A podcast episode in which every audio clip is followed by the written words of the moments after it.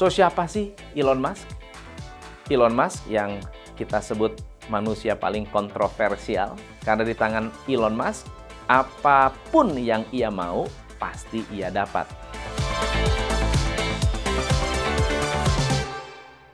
Di sebuah hutan ada seekor raja rusa yang cerdas dan bijaksana. Setiap hari kedatangan anak-anak rusa yang dititipkan untuk diajarkan cara menghadapi bahaya. Tetapi ada dua anak rusa yang dungu dan satu lagi cerdas. Yang dungu ini nakal dan tidak mau belajar. Yang cerdas sangat memperhatikan pelajaran dan mau praktek. Pada suatu hari, sang ibu rusa bertanya kepada Raja Rusa, anak saya yang pertama lagi ke mana? Raja Rusa mengatakan, anak kamu yang pertama sudah ditangkap pemburu dan mungkin sekarang sudah mati. Dan benar, Anak rusa ini sudah hilang dan mati ditangkap pemburu. Anak yang kedua saya mana?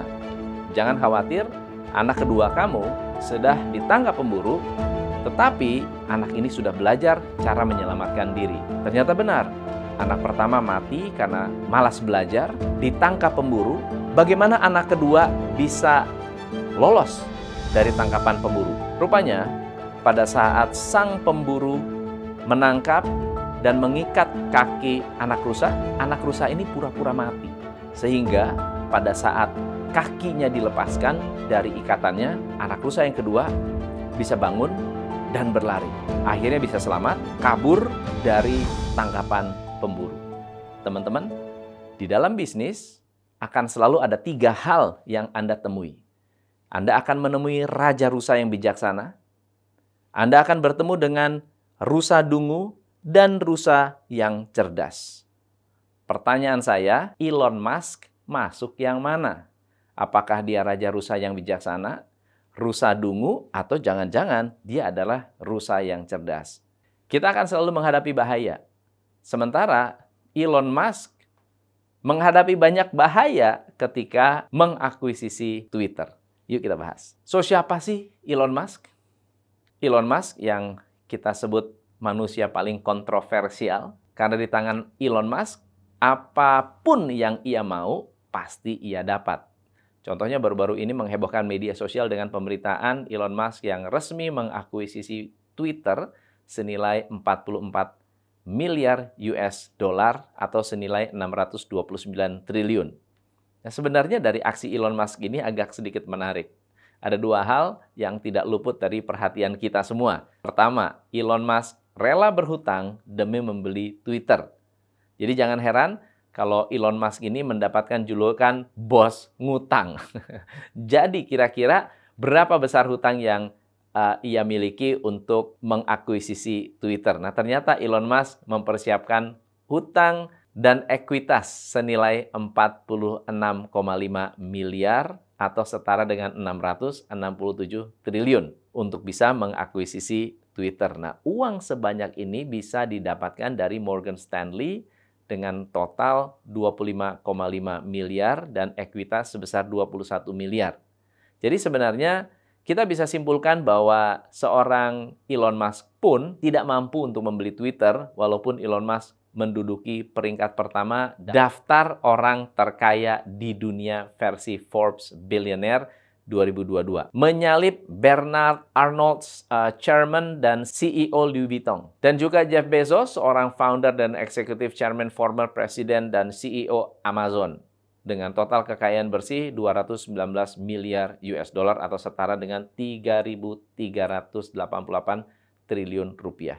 Bahkan total kekayaan bos Tesla ini naik melejit hingga 45% dibandingkan tahun sebelumnya di mana tahun 2021 jumlah kekayaan bersih Elon Musk sebesar 151 miliar US dollar. Jadi jangan kaget, orang kaya juga berutang.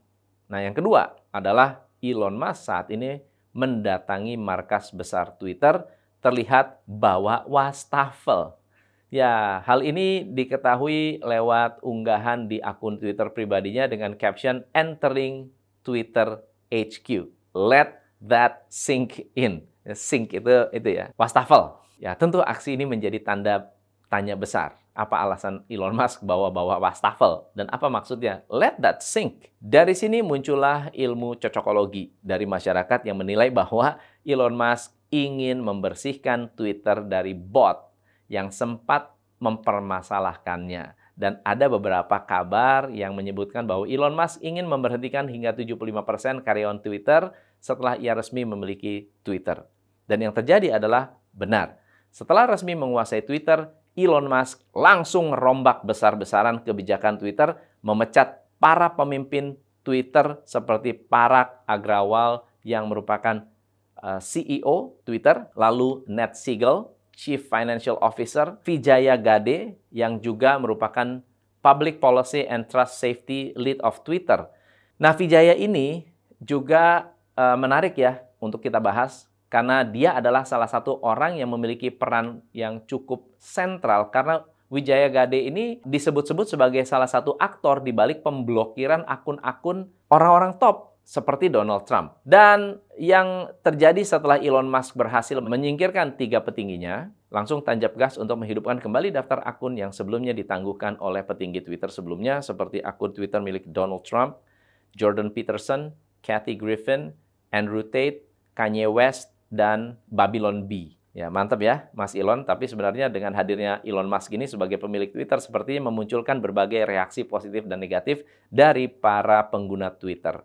Bahkan sejumlah artis internasional justru memilih untuk meninggalkan Twitter karena kebijakannya yang kontroversial. Contohnya, Whoopi Goldberg, Gigi Hadid, Shonda Rhimes, Sarah Bareilles, Amber Heard, dan beberapa artis lainnya. Terus gimana nasib Twitter ke depan di tangan Elon Musk? Karena pada kenyataannya yang terjadi setelah Elon Musk mengakuisisi Twitter, memecat para petingginya, ia langsung menerapkan sistem kerja hardcore dengan jam kerja panjang. Dengan intensitas yang tinggi, karyawan Twitter banyak yang melakukan resign massal karena menolak kebijakan baru yang dinilai merugikan. Bahkan menurut penelitian dari Harvard Business Review, sistem kerja yang dinilai over ternyata tidak bisa membantu perusahaan dan karyawannya karena hasilnya tidak baik untuk dua-duanya. Kalau atasan atau pemimpin menerapkan sistem kerja hardcore seperti jam kerja yang panjang, kerja keras, kemudian mengalami toxic productivity, justru akhirnya akan susah membedakan mana karyawan yang benar-benar bekerja keras atau mereka hanya pura-pura kerja. Sekarang, sebagian karyawannya resign massal. Elon Musk justru memberi peringatan adanya ancaman Twitter akan bangkrut. Karena justru yang terjadi dengan Twitter setelah beberapa tindakan yang dilakukan oleh Elon Musk, perusahaan ini harus kehilangan sekitar 4 juta dolar per hari. Dan salah satu penyebabnya adalah para pengiklan mulai melarikan diri setelah diakuisisi oleh Elon Musk. Bahkan Twitter disebut-sebut akan memiliki cash flow negatif tahun depan karena perusahaan yang menggunakan lebih banyak uang untuk dibelanjakan dibandingkan didapatkan.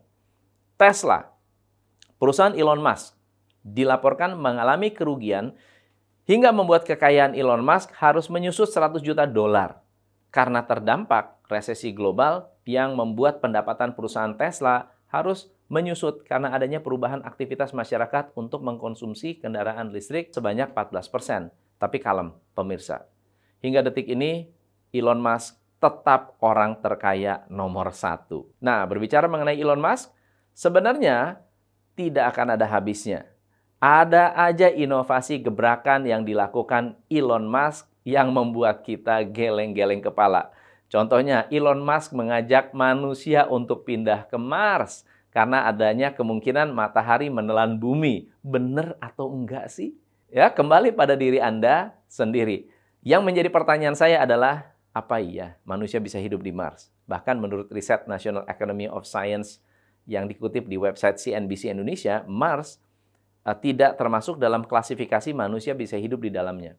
Ya, laporan ini mengatakan Mars beserta sejumlah planet dan bulan ternyata tidak cukup besar untuk menahan molekul yang krusial untuk kehidupan manusia. Jadi mungkin satu kata yang bisa kita sebutkan untuk menggambarkan seorang Elon Musk, mungkin kita bisa sebut orang yang berani ya, teman-teman ya.